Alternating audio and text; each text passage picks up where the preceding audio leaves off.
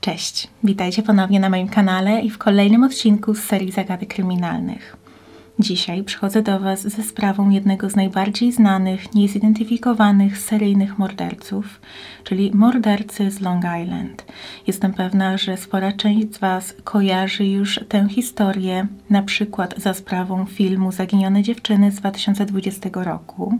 Jednak mam nadzieję, że z tego odcinka dowiecie się czegoś nowego na temat tej wyjątkowo tragicznej sprawy, pełnej utraconych przedwcześnie żyć. A inspiracją do wyboru tego tematu była dla mnie książka, której ostatnio wysłuchałam na BookBeat. BookBeat jest partnerem dzisiejszego odcinka i jest to aplikacja z audiobookami i e-bookami, o której jestem pewna, że już słyszeliście, ale jeśli jeszcze nie mieliście okazji jej testować, to bardzo serdecznie chciałabym dzisiaj Was do tego zachęcić. Na BookBeat znajdziecie tysiące audiobooków i e-booków z licznych gatunków i w kilku różnych językach.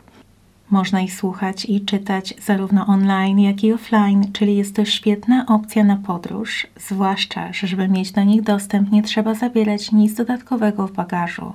Ma się do nich dostęp cały czas w telefonie.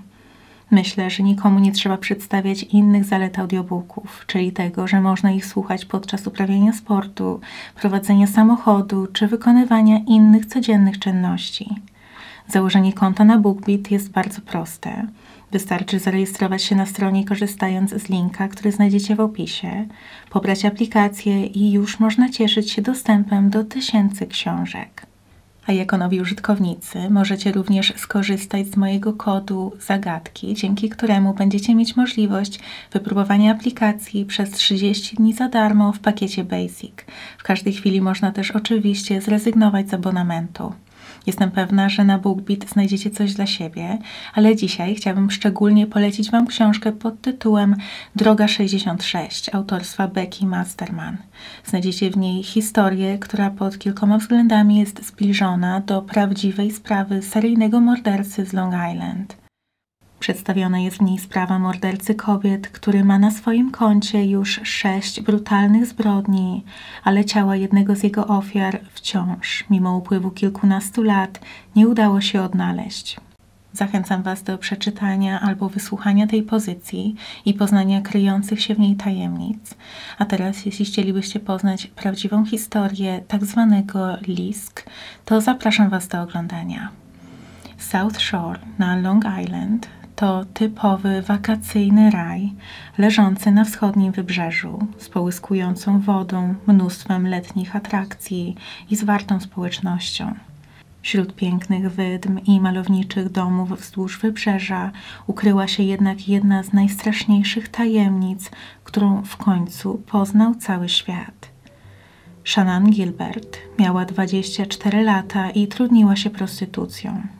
Zaginęła 1 maja 2010 roku w okolicach Oak Beach po wizycie u klienta, którego poznała przez serwis ogłoszeń Craigslist.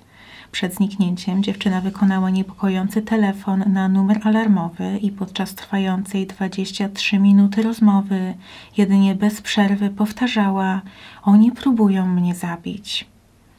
Kiedy dyspozytor próbował ustalić adres, z którego dzwoniła dziewczyna, ona wybiegła z domu klienta i zaczęła pukać do drzwi sąsiadów. Ostatni raz była widziana o 5.40 pod domem Barbary Brennan. Wołała o pomoc, ale chwilę później uciekła i ślad po niej zaginął. Przeszukania osiedla, na którym ostatni raz widziana była Shannon, okazały się nieskuteczne. Kilka miesięcy później, w grudniu 2010 roku, rozpoczęto kolejną akcję poszukiwawczą, tym razem na wydmach Ocean Parkway, znajdujących się na południowym wybrzeżu Long Island. I wtedy funkcjonariusz policji hrabstwa Suffolk, John Malia, wraz ze swoim psem, owczarkiem niemieckim o imieniu Blue, trafili na szczątki szkieletu kobiety wepchnięte w jutowy worek. Ofiarę udało się zidentyfikować. Była to Melissa Bartelemy, która podobnie jak Shannon świadczyła usługi seksualne. Ostatni raz widziano ją 12 lipca 2009 roku. Powiedziała, że idzie zobaczyć się z klientem i wróci rano, ale nie pojawiła się już w domu. Sześć dni później jej zaginięcie zostało zgłoszone na policję. Później młodsza siostra Melisy otrzymała serię szyderczych telefonów od kogoś, kto korzystał z telefonu zaginionej. Ustalono, że połączenia najprawdopodobniej były wykonywane przez zabójcę i przychodziły z okolic terminalu autobusowego Port Authority na 8 Alei i Penn Station. Tereny te zostały dokładnie przeszukane, ale ze względu na to, że były to okolice o bardzo dużym natężeniu ruchu pieszego, nie udało się znaleźć dowodów, które jednoznacznie można by powiązać z tą sprawą. Teren wokół miejsca znalezienia ciała Melisy został dokładnie przeszukany. Śledczy liczyli, że trafią na coś, co doprowadzi ich na trop sprawcy, ale zamiast tego dokonali kolejnego makabrycznego odkrycia. Odnaleźli ciała jeszcze trzech innych kobiet. Wszystkie cztery ciała Melisy Bartelemy, Maureen Baynard, Megan Waterman i Amber Costello znaleziono w odległości zaledwie 150 metrów od siebie. Z powodu tak małej odległości zaczęto nazywać je The Gilgo Four, od nazwy plaży Gilgo Beach. Maureen Baynard pochodziła ze stanu Connecticut i gdy zaginęła miała 25 lat. Ostatni raz widziano ją 9 lipca 2007 roku, kiedy powiedziała, że planuje spędzić dzień w Nowym Jorku. Nigdy więcej jej nie widziano. Maureen była matką dwójki dzieci i tak jak Shannon świadczyła usługi seksualne szukając klientów za pośrednictwem portalu Craigslist. Przyczyną jej zgonu było uduszenie. 22-letnia Megan Waterman pochodziła z South Portland w stanie Maine i zaginęła 6 czerwca 2010 roku po tym, jak umieściła swoje ogłoszenie na Craigslist. Poprzedniego dnia powiedziała swojemu chłopakowi, że wychodzi i zadzwoni do niego później. Wiadomo, że przed zaginięciem przebywała w motelu w stanie Nowy Jork. Megan również była matką i, tak jak poprzednie dwie ofiary, została uduszona. Amber Lynn Costello miała 27 lat i pochodziła z West Babylon, z małego miasteczka oddalonego zaledwie 16 km od Gilgo Beach. Była pracownicą seksualną i zmagała się z uzależnieniem od narkotyków. Zaginęła 2 września 2010 roku.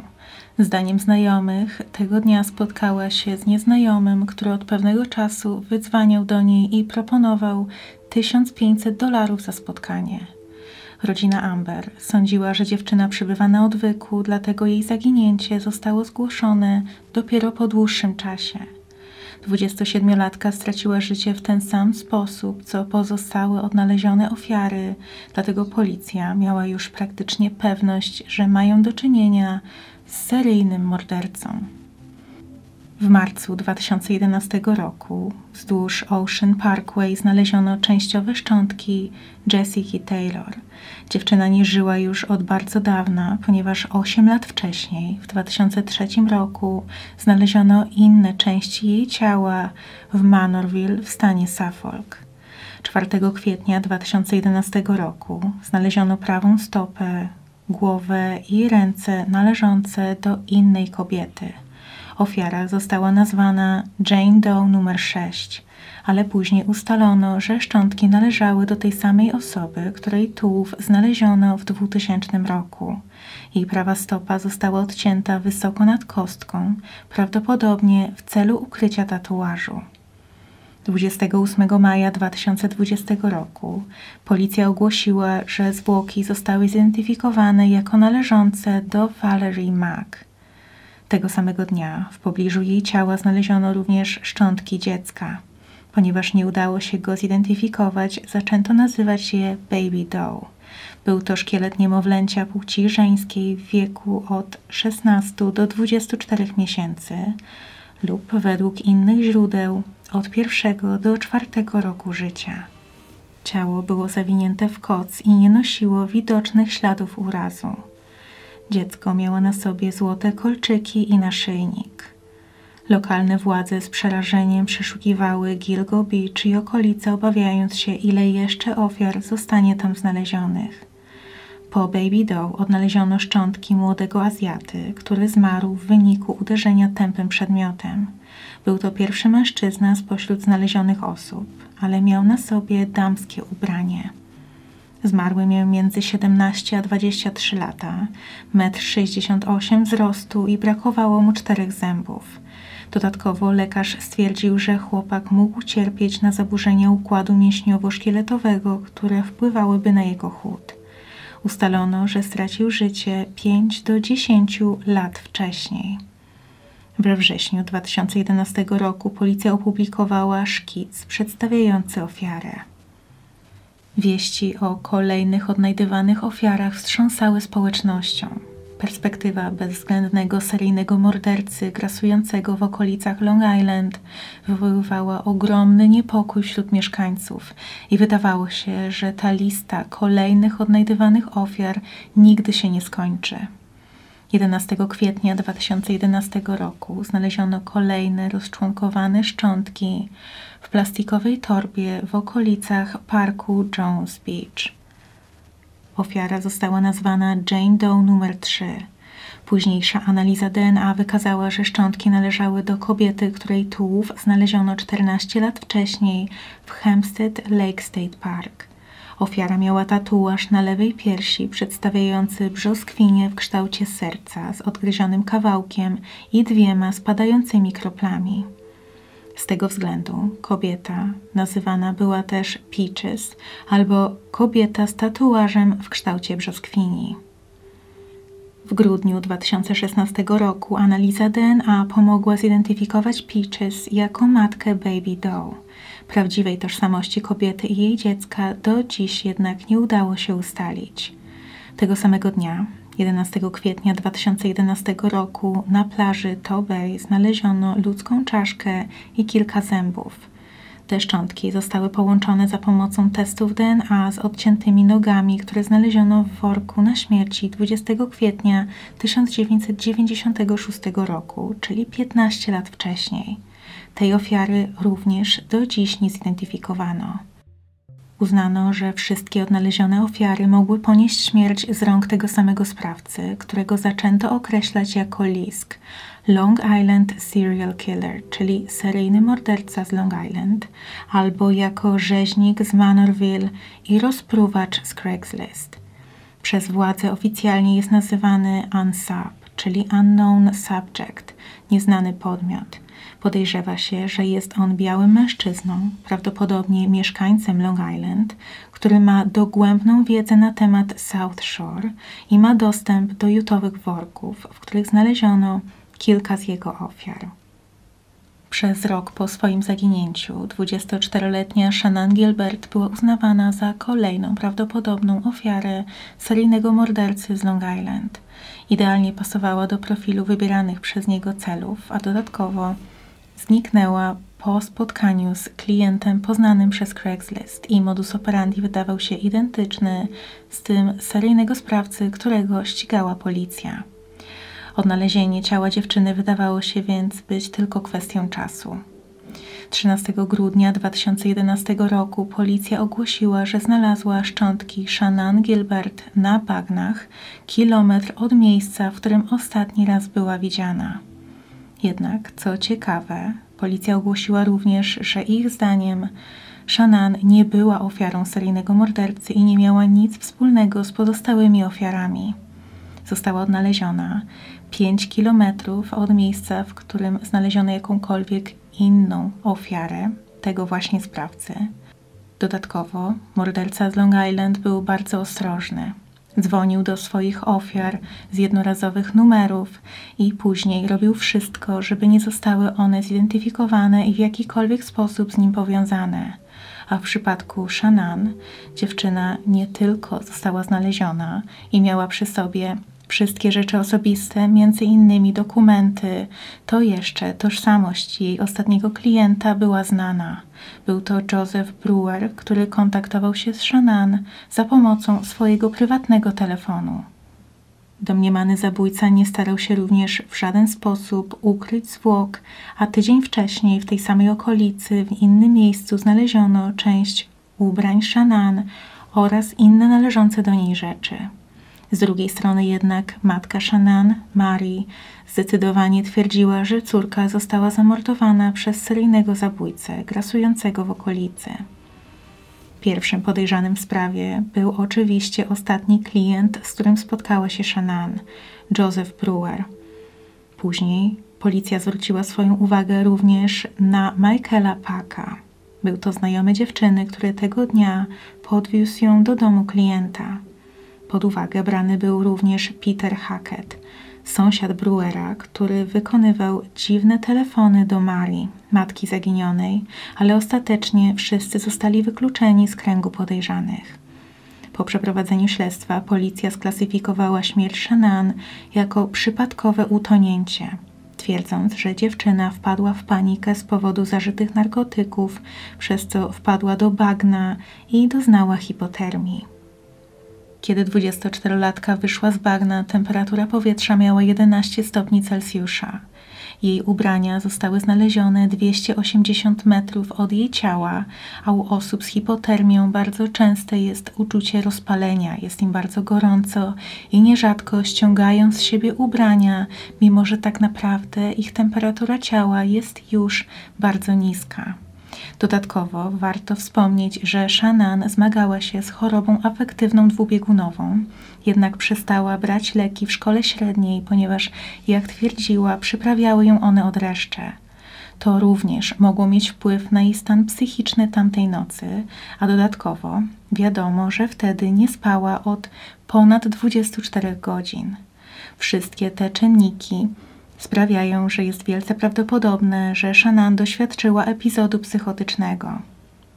Podczas sekcji na jej ciele nie znaleziono żadnych urazów mogących wskazywać na udział osób trzecich i dziewczyna nie została uduszona tak jak pozostałe ofiary seryjnego mordercy z Long Island. Rodzina Shannon była jednak nieugięta w swoich przekonaniach, zwłaszcza Mary, matka dziewczyny, nie wierzyła, że śmierć córki mogła być wynikiem nieszczęśliwego wypadku. I w 2016 roku bliscy zdecydowali się na zlecenie prywatnej, ponownej sekcji zwłok. Tym razem dokonał jej dr Michael Baden i stwierdził, że Shannon jednak została uduszona. Ustalenia Badena były dość wątpliwe, ponieważ przez lata zyskał on nie najlepszą reputację. Wielokrotnie wygłaszał naciągane wnioski i później wypierał się swoich twierdzeń, choćby podczas słynnego procesu O.J. Simpsona. Mimo tego ta nowa informacja o przyczynie śmierci Shannon ożywiła zainteresowanie sprawą i w poszukiwania zabójcy zaangażowało się FBI. Niespodziewanie jednak, gdy Mary, matka dziewczyny, walczyła o ponowne otwarcie śledztwa, sama stała się ofiarą. 23 lipca 2016 roku jedna z jej córek, Sara, zabiła matkę nożem w ich mieszkaniu w Ellenville w stanie Nowy Jork. Sara twierdziła, że słyszała głosy, które kazały jej odebrać życie mamie. Dziewczyna została skazana na 25 lat więzienia. 12 września 2017 roku prokurator hrabstwa Suffolk ogłosił, że John Bitrolf, stolarz z Manorville na Long Island, był podejrzany o zabójstwo dwóch dziewcząt uznawanych za ofiary seryjnego mordercy z Long Island. Szczątki Valerie Mack i Jessica Taylor zostały znalezione zaledwie kilka kilometrów od warsztatu Johna i ostatecznie w maju 2017 roku mężczyzna został skazany za zabójstwo obu kobiet. Jednej w 1993 roku, a drugiej w 1994. 16 stycznia 2020 roku w sprawie przedstawiono nowy dowód – czarny skórzany pasek z wytłoczonymi literami WH lub HM, który został znaleziony podczas wstępnego śledztwa w pobliżu Ocean Parkway. Policja uważała, że pasek mógł być własnością zabójcy z Long Island. Mimo nacisków rodziny przez lata Departament Policji Hrabstwa Suffolk odmawiał udostępnienia publicznie nagrań z rozmowy telefonicznej między Shannon Gilbert a dyspozytorem 911. To jedynie podsycało teorie spiskowe, ponieważ wiele osób sądziło, że policja chce tuszować zabójstwo młodej kobiety. Ostatecznie jednak 13 maja 2022 roku te nagrania zostały udostępnione i rzeczywiście słychać na nich, że dziewczyna zachowywała się bardzo niespokojnie i paranoicznie. Nie odpowiadała na żadne pytania dyspozytora i zaczęła powtarzać, że jej kierowca, Michael Pack, chce ją zabić. Twierdziła również, że klient, w którego domu w tym momencie przebywała, czyli Joseph Brewer, również chce pozbawić ją życia, jednak odmawiała opuszczenia jego domu, mimo że on sam ją o to prosił, bo był zaniepokojony jej zachowaniem, a później chciała, żeby Michael Pack, który teoretycznie miał chcieć ją zabić, zabrał ją do domu. Sam mężczyzna na nagraniu słychać, że był bardzo zaniepokojony tą nagłą zmianą w zachowaniu Shannon. Niestety, wszystko wskazywało na to, że dziewczyna rzeczywiście doznała załamania nerwowego i straciła kontakt z rzeczywistością. Po ujawnieniu nagrań z policją skontaktował się prawnik rodziny, John Ray, i nagle stwierdził, że podczas autopsji znaleziono dziurę w kształcie wiertła w kości gnykowej ofiary. Teoria, że zabójca zadał tę ranę dziewczynie zanim odebrał jej życie, kompletnie nie miała sensu. Ekspert z zakresu medycyny sądowej wyjaśnił, że ta zmiana mogła być spowodowana przez cystę, z której istnienia sama Shannon mogła nie zdawać sobie sprawy. Występują one u 7% osób. Sprawa niezidentyfikowanego seryjnego mordercy przez lata wprowadzała niepokój wśród mieszkańców. Była bardzo głośna w całym kraju, a przypadek Shannon Gilbert stał się najbardziej kontrowersyjnym aspektem tej sprawy. Wraz z rozwojem internetu fałszywe informacje i teorie podawane jako fakty zaczęły rozprzestrzeniać się w niesamowitym tempie. Twierdzono m.in., że ze względu na to, że dziewczynie brakowało kilku kości, to jest to niepodważalny dowód na to, że została zamordowana. Jednak trzeba pamiętać, że jej ciało czekało na odnalezienie przez aż 20 miesięcy i w tym czasie miały do niego dostęp różne dzikie zwierzęta. Od samego początku wiele osób podejmowało wysiłki, żeby wręcz na siłę umieścić Shannon wśród ofiar mordercy z Long Island. I mimo, że policja jest przekonana, że powiązania dziewczyny z pozostałymi ofiarami są wyłącznie przypadkowe, to i tak zawsze była i będzie ona nieodłączną częścią całej tej sprawy. Trzeba pamiętać, że to właśnie jej zaginięcie i zorganizowane z tego powodu akcje poszukiwawcze przyczyniły się do odkrycia wszystkich kolejnych ofiar mordercy. Dodatkowo, znacznie ważniejsze od tych sensacji i kontrowersji związanych z tą sprawą jest to, że sprawca tego całego cierpienia tak wielu osób do dziś nie poniósł za to żadnych konsekwencji. W 2013 roku dziennikarz Robert Kolker wydał książkę pod tytułem Lost Girls – An Unsolved American Mystery, która w 2020 roku została zekranizowana w filmie Lost Girls, czyli Zaginione dziewczyny. I to jest już koniec tej tragicznej sprawy. Jeśli znaliście ją wcześniej i są jakieś szczegóły, o których dzisiaj nie wspomniałam, to napiszcie je proszę w komentarzach. Na koniec jeszcze raz zachęcam Was do wypróbowania aplikacji BookBeat. W opisie znajdziecie link do założenia konta oraz mój kod rabatowy na 30 dni za darmo w pakiecie Basic. Polecam Wam również zwrócenie szczególnej uwagi na książkę Droga 66 Becky Masterman. A teraz bardzo dziękuję Wam za oglądanie i do zobaczenia niedługo. Cześć!